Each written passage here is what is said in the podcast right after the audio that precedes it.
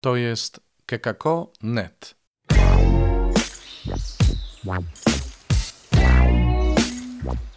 Poranny suplement diety. Chrystus zmartwychwstał. Jest wtorek, 14 kwietnia. Wtorek wielkanocny, poranek. Nie tak ciepły jak poniedziałek. Założyłem kaptur na głowę wychodząc z domu. Ale i tak jest pięknie. Słyszycie naszą poranną przyrodę. No to posłuchajcie oprócz tego jeszcze Słowa Bożego, które dzisiaj czytamy. A w ogóle to nazywam się Robert Hecyk, a nagrywam tę audycję dla Was w oazie Koinonii Jan Chrzciciel w Nowym Radzicu.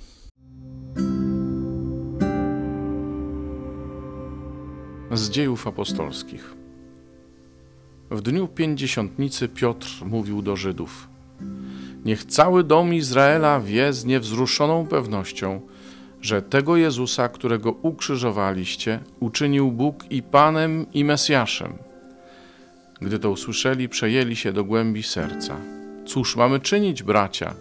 zapytali Piotra i pozostałych apostołów. Nawróćcie się, powiedział do nich Piotr, i niech każdy z was przyjmie chrzest w imię Jezusa Chrystusa na odpuszczenie grzechów waszych, a otrzymacie w darze Ducha Świętego. Bo dla was jest obietnica i dla dzieci waszych, i dla wszystkich, którzy są daleko, a których Pan, Bóg nasz, powoła.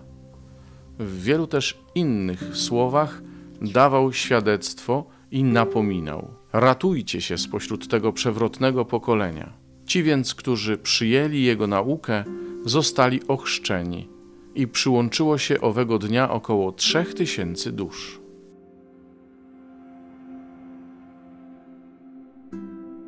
Z Ewangelii według świętego Jana.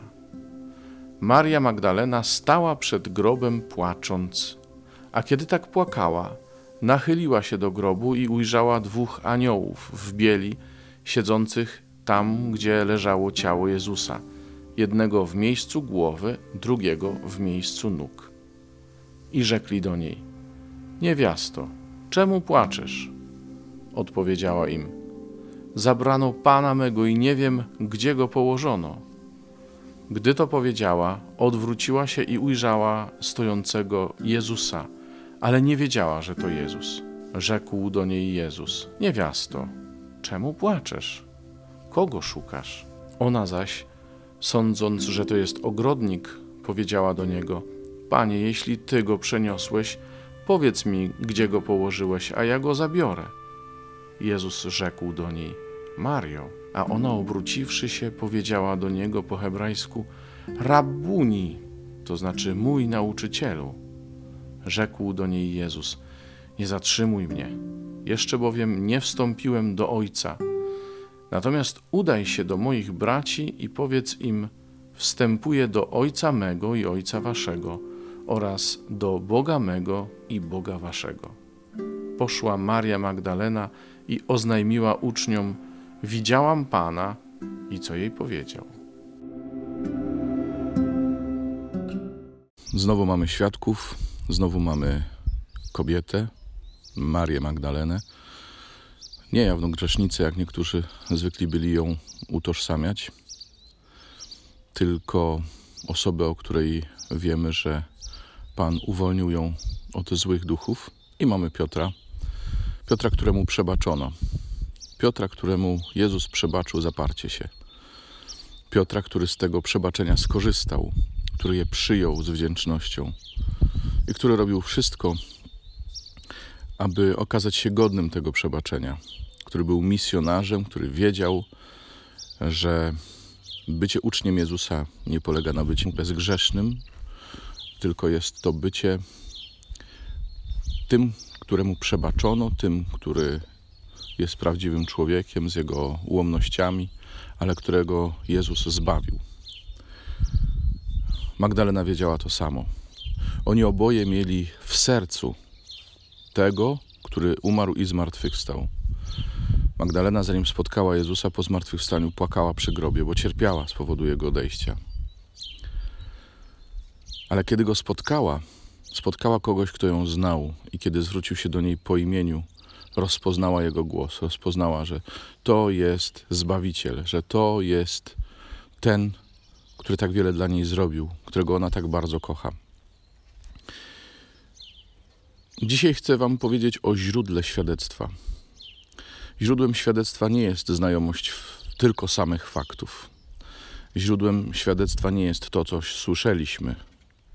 Źródłem świadectwa jest to, co się wydarzyło w naszym sercu.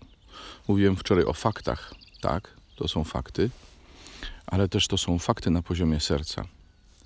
Dzisiaj mądrzy ludzie mówią o tym, że wiara i rozum uzupełniają się nawzajem. Niektóry, niektórzy jednak twierdzą, że to rozum wyjaśnia wiarę. Ja jednak myślę, że to wiara oświeca rozum, żeby on wiedział o co chodzi.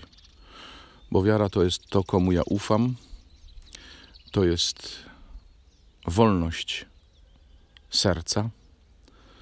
Wiara sprawia, że nie zamykam się tylko do tego, co jestem w stanie ocenić i osądzić, bo mój osąd i ocena są ograniczone, są ludzkie. Ale wiara rodzi się na poziomie serca, na poziomie doświadczenia, na poziomie miłości, rozumianej nie jako uczucie przemijające, ale jako coś głęboko trwałego w nas. Dlatego jedną z kategorii miłości jest wierność. I oni oboje mieli taką wiarę. Rozumną, ale wiarę serca. I zresztą Jan w ogóle jest ewangelistą serca, bo on sam miał taką właśnie relację z Jezusem intymną, bliską, ciepłą. Do takiej relacji my jesteśmy zaproszeni. Nie do relacji twardych świadków pewnych swego, którzy za nic mają cudze doświadczenia. Ale i Piotr i Magdalena są ludźmi empatii, dlatego że każdy z nich doświadczyło swojej słabości. Ona w związku z opętaniem, on w związku ze swoim grzechem.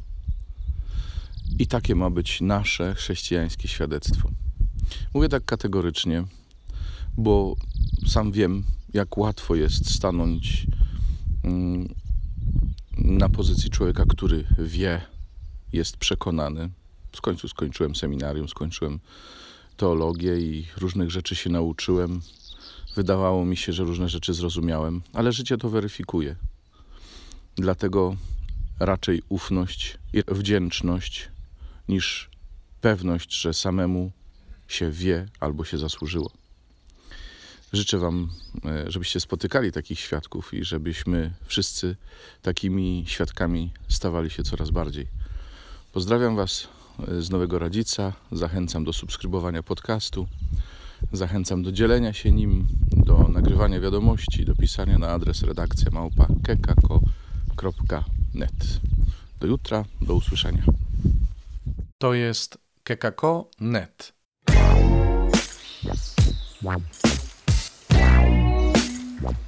Poranny suplement diety.